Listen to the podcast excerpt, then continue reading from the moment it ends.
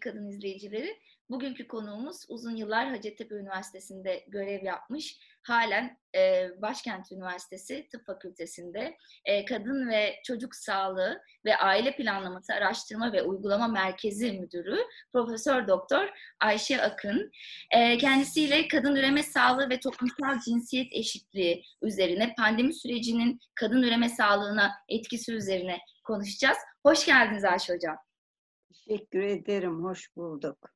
Ee, Ayşe Hocam, şimdi e, siz kadın üreme sağlığı konusunda uzmansınız e, ve aslında bu alan kadının insan hakları bakımından da düşündüğümüzde üzerine pek konuşmadığımız, o yüzden de tabiri caizse bilgi yoksulu olduğumuz bir alan. E, bu anlamda sizden öğreneceğimiz, öğrenmek istediğimiz e, belli başlı şeyler var. Bu anlamda ben bir genel bir soru sormak istiyorum.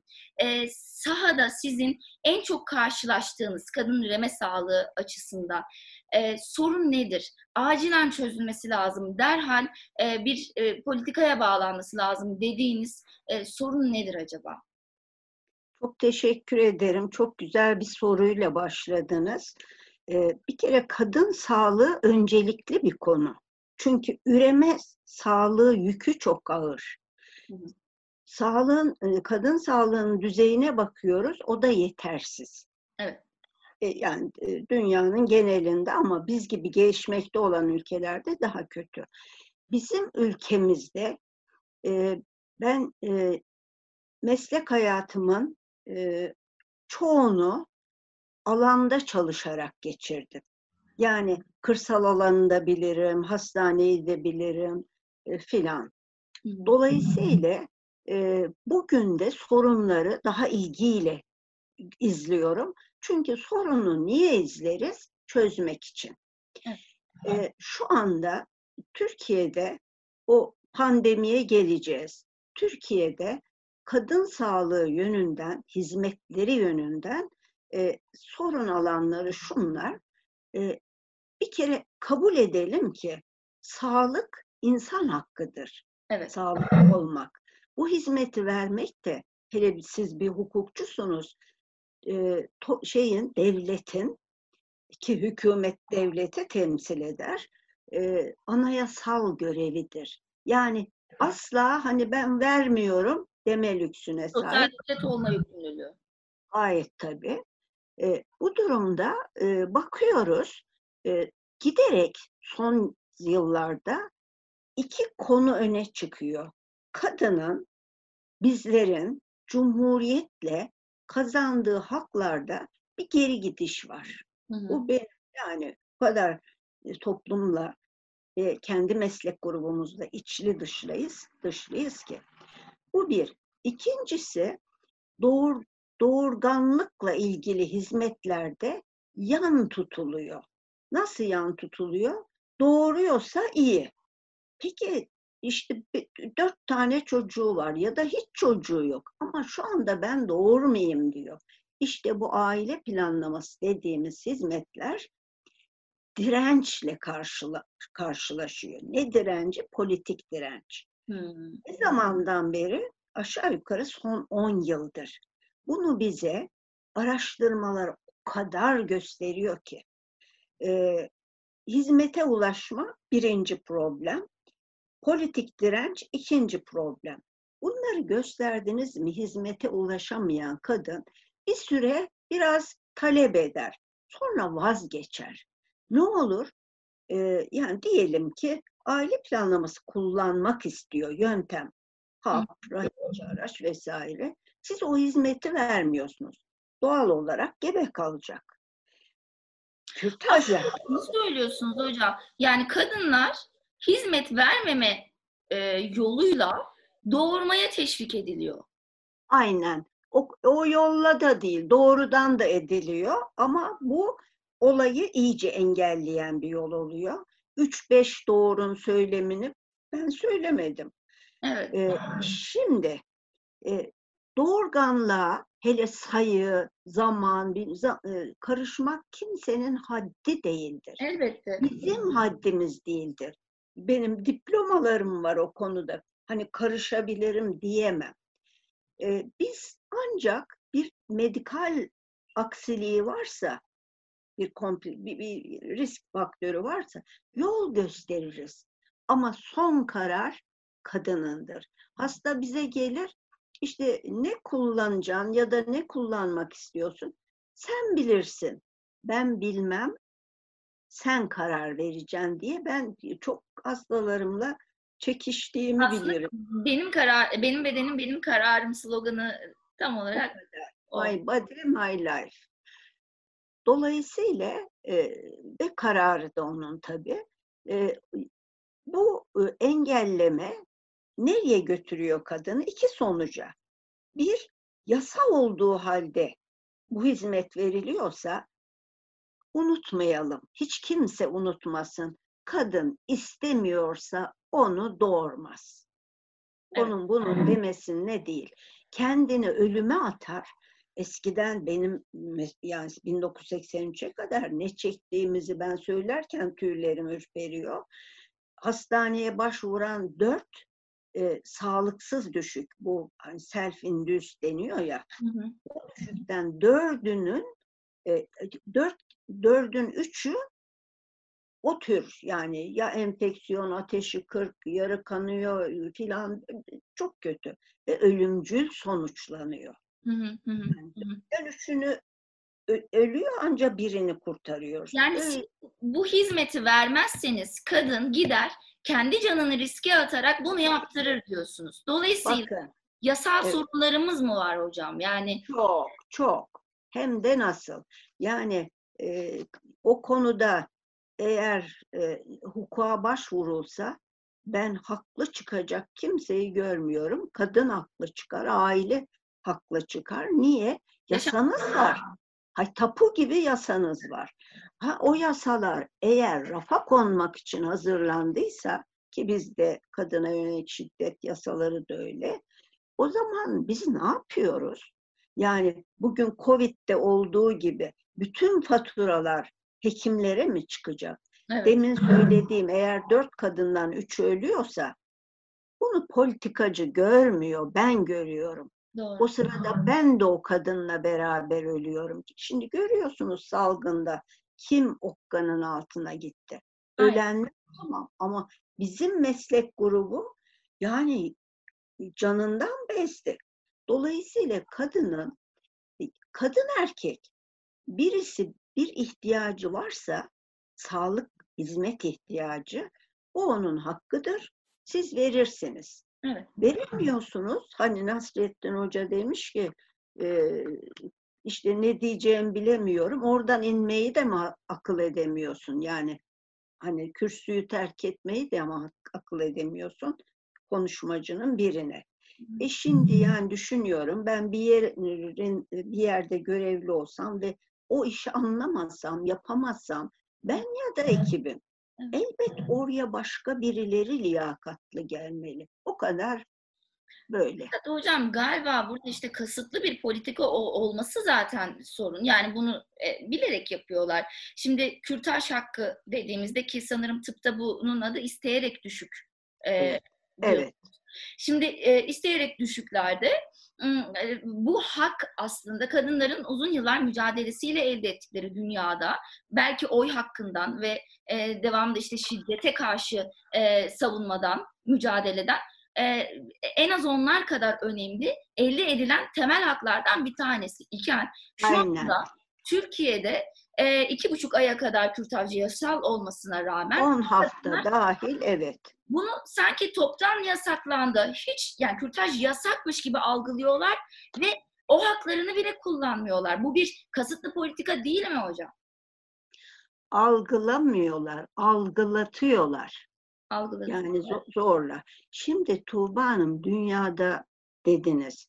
Türkiye bu konuda neler çektiğini biz hekimler biliriz. Hocalarımızdan dinledik.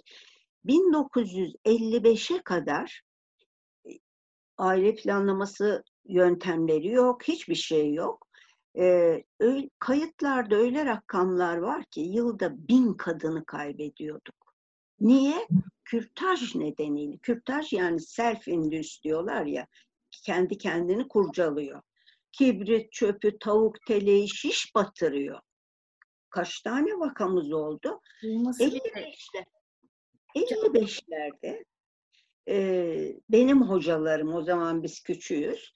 E, 10 yıl uğraştıktan sonra 65 yılında aile planlamasını yani pronatalist politikada antinatalist e, nüfus hızını düşürücü nüfusu değil nüfusu isteseniz de azaltamazsınız o geçmiş olan. Yani iktidar boşuna korkmasın değil mi? Yani üç çocuk, beş çocuk diye Korkmasın.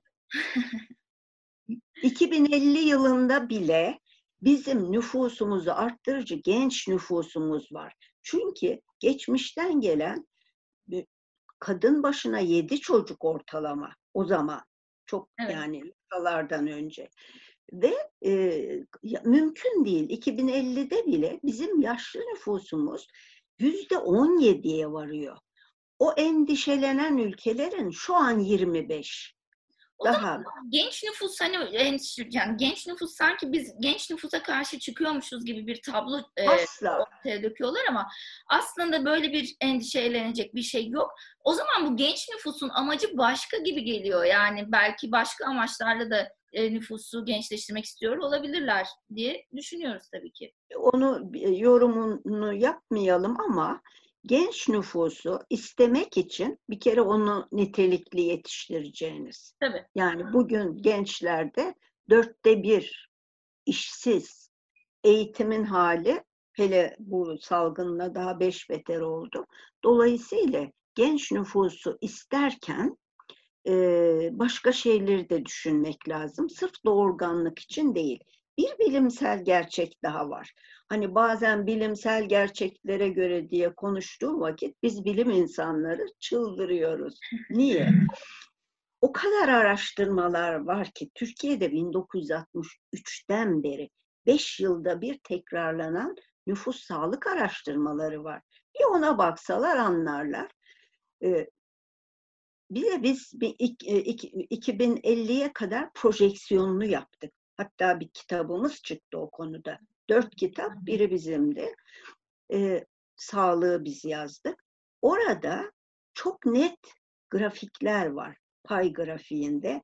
Bugünkü genç nüfus produktif dediğimiz yani üretken grup e, ki genç nüfus tabii yani yüzde 65 2050'de de yüzde 65 genç nüfus azalmıyor. Kaygılanacak hiçbir şey yok. Ee, yani e, belki oy potansiyeli, belki bir iktidar bekası hani kendi kaygıları nedir bilemeyiz ama bilim diyor ki e, genç nüfus konusunda 2050 yılında bile azalan bir durum yok. Boşuna kadınları doğurmaya e, teşvik etmeyin. Tabii doğurmaya teşvik etmenin e, dile getirelim yani gerçekleri söylemenin yararı var. Çünkü biz bu ülkeden yanayız, kadından yanayız, sağlıktan yanayız. Kadını eve kapamak istiyorsanız, toplumsal cinsiyetten de konuşacağız. E, onun doğurganlığını teşvik edersiniz. Bir takım işte e, şeklen farklı şeyler yaparsınız. Kadın yavaş yavaş yavaş zaten dışı sosyal exclusion deniyor ya. Evet. Yani gayri ihtiyari ve toplumun dışına itilir. Evet. Eğitimi az.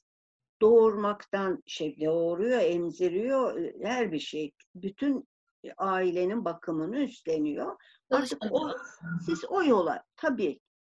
E, onun için yani bir e, belki böyle şu- şuurlu e, şey olarak kasıtlı düşünmüyorlarsa da bunun anlamı budur. Kadının doğurganlığını gerek olmadan teşvik ederseniz bakın nüfusumuz 13 milyonken İkinci Dünya Savaşı'ndan sonra sonra değil tabii Birinci Dünya Savaşı'ndan sonra e, büyük Atatürk'ümüz her politikada doğru iş yaptığı gibi nüfus da iki, birkaç yıl, dört kaç yıl sürdüyse savaş çocuk doğmamış. Bütün erkekler askerde zaten ölen kalan.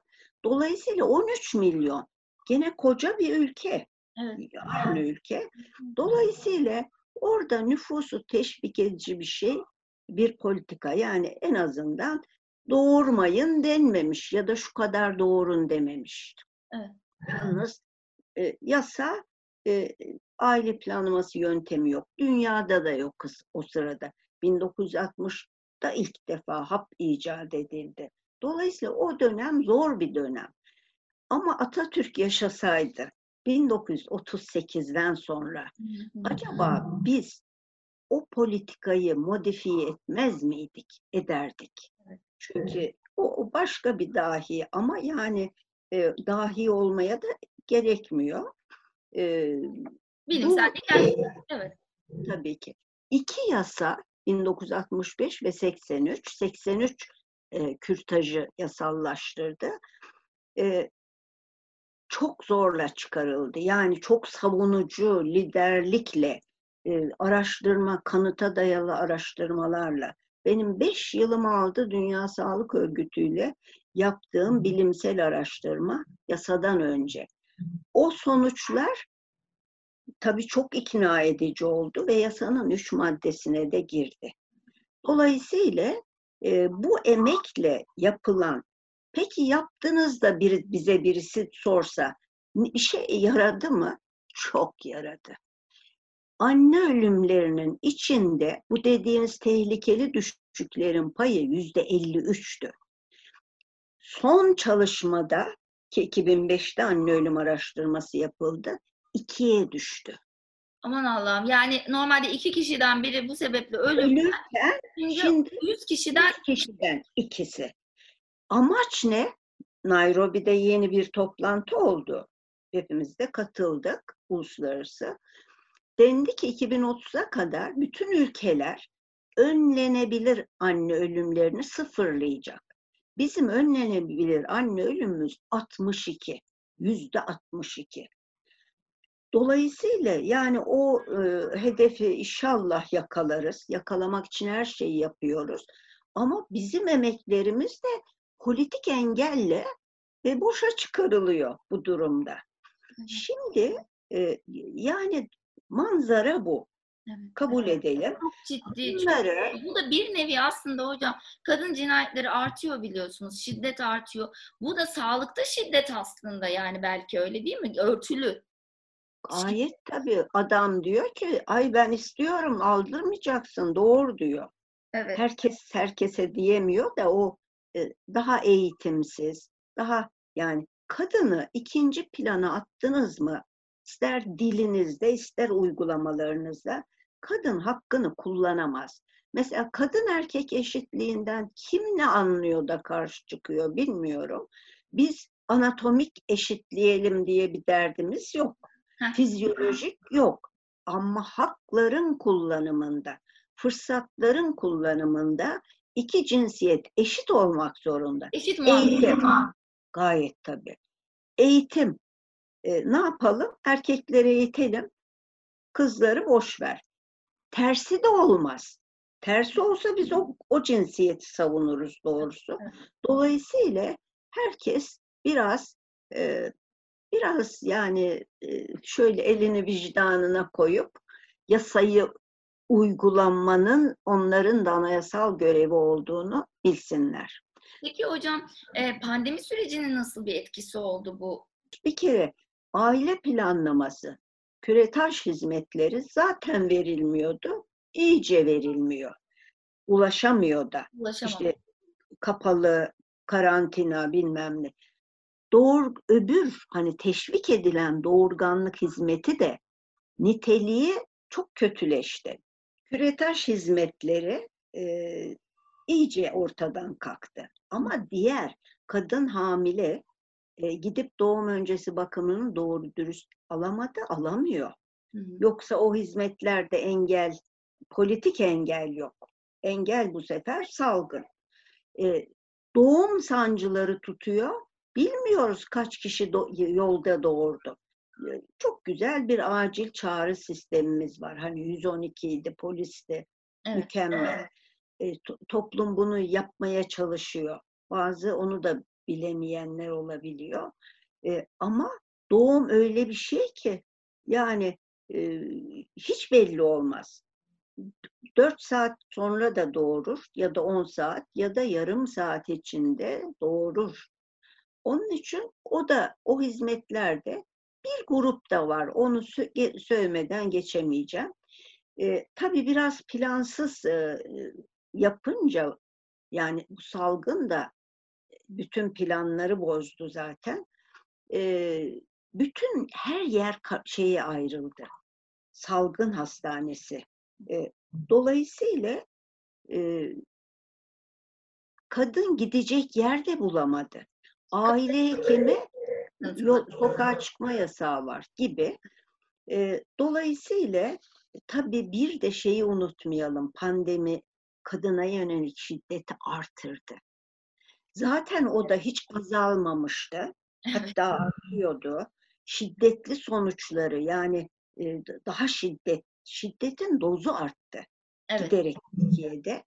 E, sayı zaten artıyor. Pandemide bütün aileyi eve kapattık. Hı hı. Kadın zaten bütün işleri yapar. Hı hı. İşsizlik konusu ya yani işten atılacaksa kadın grubu ilk atılır. Evde zaten işi vardı. Birkaça katlandı. Evet. Dolayısıyla dar bir herkesin evi iki katlı dört bilmem kaç metrekare değil. Dolayısıyla kadın evdeki gerginlikler e, işte bizim o kadındır dövülür değer bir şey olur artırdı. Tabii çekecek. Bütün stresi kadın çekti o süreçte. Bütün üzgü, üzüntümüz biz emin olmadığımız bilgiyi konuşmayız. Ben işte siz bahsettiniz halk sağlığı da uzmanlığım var. Kadın doğumda uzmanlığım var. Üniversitede de hocayım tamam. Ama bil, yani bizim özelliğimiz bilmediğimiz kanıta dayalı olmayan lafı konuşmayız. Evet. Ya çok keskin kanıtımız olacak bileceğiz. E, kendimiz gözlemlemişizdir. E, bir takım hani desk survey denen şeyleri yapmışızdır, konuşuruz. E, ya da bilimsel araştırma sonuçları hepsine de güvenmiyoruz. Güvendiklerimizi konuşuruz. E, dolayısıyla ona baktığımız zaman işlerin nereye gittiğini görüyoruz. Evet, evet. Mesela kadına yönelik şiddet değil mi dediniz e, hizmeti engelleme? Hizmeti engelleyen yani devlet kadına şiddet uygulamış oluyor. Tabii. Kadın, evdeki adamı. Onun dışında bu e, çocuk yaşta evlilikler. Hani evet. Evet hocam onu soracağım. Yani geçtiğimiz günlerde çok fazla vaka e, oldu. Bununla ilgili haber okuduk daha doğrusu. İşte 115 hamile çocuk vakası oldu. Üst üste sonra geldi. Hastaneler bildirim yükümlülüğünü yerine getiriyor mu soru işareti doğdu. Bu konu ya bu, bu hem suç istismar olmuş oluyor hem de yine üreme sağlığını etkileyen aslında kadının yaşamını tehlike hatta kız çocuğunun yaşamını tehlikeye atan bir durum ortaya çıkıyor. Siz rastlıyor musunuz? Yani muhakkak rastlıyorsunuzdur. Yani rastlamaz mıyız? Siz hukukçusunuz. Açın hangi yasayı ilgili hangi yasayı baksanız suçtur diyor. Evet. 18 yaşın altında. E, peki yani üç e, evlilikten Türkiye'de biri çocuk yaşta yapılmış. Bugün araştırma yaptığınız vakit üç evlilikten biri. Nasıl bir suç bu? Herkes çiğniyor yasayı. Evet. Bir, o konu var. Yani yasa var, kimse bakmıyor. Onu bırakın, o suçla e, hapishaneye girmiş olanları affettirelim diye yasa taslağı hazırlandı. Evet. Allah'tan dirençle bir evet. durakladı. E, onun dışında bazı evlilikler kayıda mı geçiyor Türkiye'de? Yani kadın gebe, e, kız çocuğu ama kız çocuğu çoğu zaman e, öyle deriz ama kadın cinsiyetidir o. E, gebe e, ama dini nikahla, resmi nikahı yok. Bir de bizim böyle meşrulaştırılmış geleneksel uygulamalarımız var. E, ne mahalle onu reddediyor, ne başka biri. Evli o, evli değil. Evet. Mesela bizim yasamıza göre o kız çocuğu hamile kaldı ki öyle evlenince ne nikahınla evlenirse evlensin hamile kalır. Kaldığı vakit bizim yasamızda hiç engel yok. Eğer kendi gücü varsa gider aldırır. Kimsenin imzasına ama öyle bakın kız çocuğundan söz ediyoruz. Gücü olabilir mi? Ne cepte para var, ne eğitim var. Ne de yasal. Evet. Peki sağlık sonuçlarını anlatsam program biter zaten. Ölüm beş misli fazla. Peki kız çocuğunu ölüme mi atıyoruz biz o karar vererek? Yalnız altta yatan sebebe yönelmiyoruz. Belki de hiçbirimiz. E, böyle işte e, ihbar mı etti, yok sonucu öldü mü kaldı mı? Öyle değil. İki tane olay var burada. Siz yoksulluğu bir yok edin. Bakalım kimse kız çocuğuna kıyıyor mu? Yoksulluk yok, yok, yok edildiği vakit eğitim de zaten artar. Pek çok aile duyuyoruz, görüyoruz. Yani o çocuğu okula yollayamıyor. Ve bir ekonomik krizde e, ilk yani çocuklar okuldan alınır ama ilk alınan kız çocuğudur. Evde bir yeni bebek doğdu, kız çocuğu okuldan alınır. Dolayısıyla toplumsal cinsiyet eşitliği de yasalar üstü, pardon, yoksulluk üstünde durmazsa biz daha bu çocuk yaşta evliliklerin sadece lafını ederiz. Hem de sadece evliliklerin değil görüldüğü kadarıyla ciddi bir can kaybının e, de geçemeyeceğiz gibi görünüyor. E, hocam yani konuşacak tabii ki çok şey var ama ben son olarak size bu alanda son dönemde, yakın dönemde yapmış olduğunuz bir çalışma var mı? Varsa bize bahseder misiniz? En azından oralardan okuyalım, ulaşabilelim. Hiç olmaz olur mu? Biz yani hiç durmadan bir iki isim sayayım. Mesela çocuk yaşta evliliklerin önlenmesinde e, bir e, il, ilimizde çok güzel bir proje tamamladık. E, Kadının Statüsü Genel Müdürlüğü de çok destekledi. Dedik ki bunu önlemek için model geliştirelim. Ülkeye de yayın e, yaygınlaştırılsın. E, modelin aslı aileleri e, bu e, olayla ilgili sağlık sonuçları ile ilgili bilgilendirmekte. İçine girmeyeyim. Çok başarılı, çok iyi sonuçlar aldığımız bir raporu hazırlandı. Yazısını yazıyoruz. Bir. İkincisi CEİT diye e, yani duymayanlara söylüyorum Cinsiyet Eşitliği Derneği var. Evet. Buradaki yani tek tek hocaları, mensuplarını ben tanıyorum. Çok güzel paneller yapıyorlar, çok güzel bilgilendirme konferansları yapıyorlar. 2017'de bitirdiğimiz, bizim de içinde olduğumuz 10 tematik alanda büyük bir çalışma yaptılar. Konunun uzmanlarını bulup uluslararası yasalar, mevzuat, normlar, standartlar ne diyor? Hı hı onu ortaya koyduk. Peki bu paralelde Türkiye'de durum ne? Hı hı. Onu ortaya koyduk. Çok güzel. Onu da güzel kitap oldu. Tabii sağlık kısmını ben çok iyi biliyorum. en güzel sağlık kısmı olmuştur. En güzel kısmı. Duymasınlar. Üçüncüsü de bir şeyi iyiye gidiyor, kötüye gidiyor demeniz için gösterge lazım. İşte bu çalışmada biz toplumsal cinsiyet eşitliği var mı? Ona duyarlı göstergeler önerdik.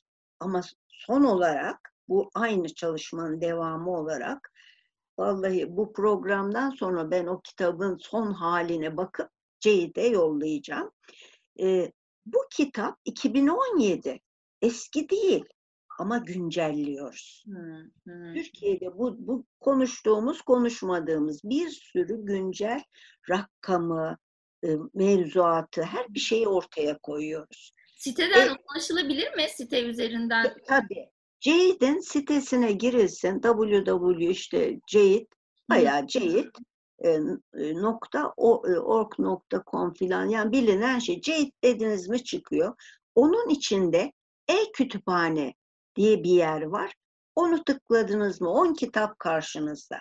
Çok yakında e, güncellemeyi de onun böyle ikinci bölümü gibi yapıyoruz.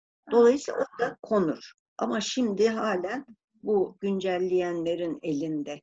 Şahane. Elimizde kaynaklarımız da var yani. Tabii yani bunlara devam ediyoruz. Yani kadın İstanbul Sözleşmesi. Evet. Yani benim Bükçam, benim merkezin kısa adı Bükçam. Evet. Paralandık. Nasıl olabilir? En güzel yasa şey ediyoruz, iftar ediyoruz. Hiç içinde yazmayan bir gerekçeyle yok öyle bir şey Yok. yasada. Sadece kadına yönelik şiddeti önleyelim diyor. Evet. Ve Evet. ön- önleme öbür yasalarda yok. Boyuna çok ceza. yıkı olan bir sözleşme. Evet. Ee, herkes şöyle soruyor, bu cinsiyetsizleştirmeye mi çalışıyor, eşcinselliği mi yayıyor diye bana öyle çok soru geliyor ki. Alakası yok.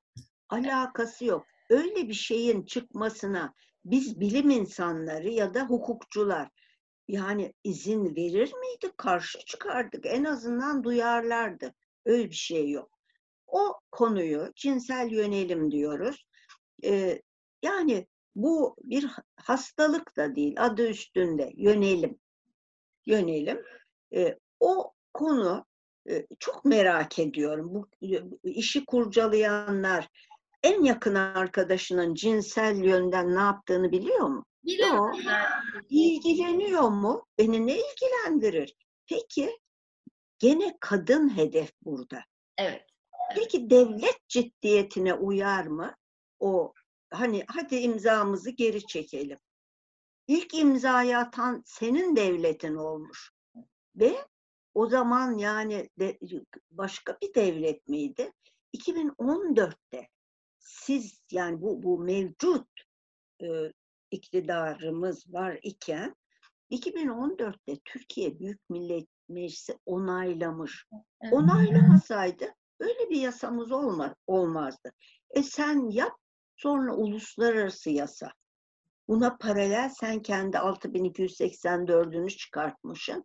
Yani uygar bir e, ülkeye, uygar bir e, devlete uymaz. Kesinlikle yakışmıyor. Biz engel olmayı ülkece başardık şu aşamada. Bundan sonra engel olmanın ötesinde uygulatacağız da hocam. Verdiğiniz bilgiler için çok teşekkür ederiz. Ee, umarız önümüzdeki dönemlerde daha sağlıklı günlerde e, konuşabileceğiz. İnşallah. Ben de sizlere teşekkür ederim.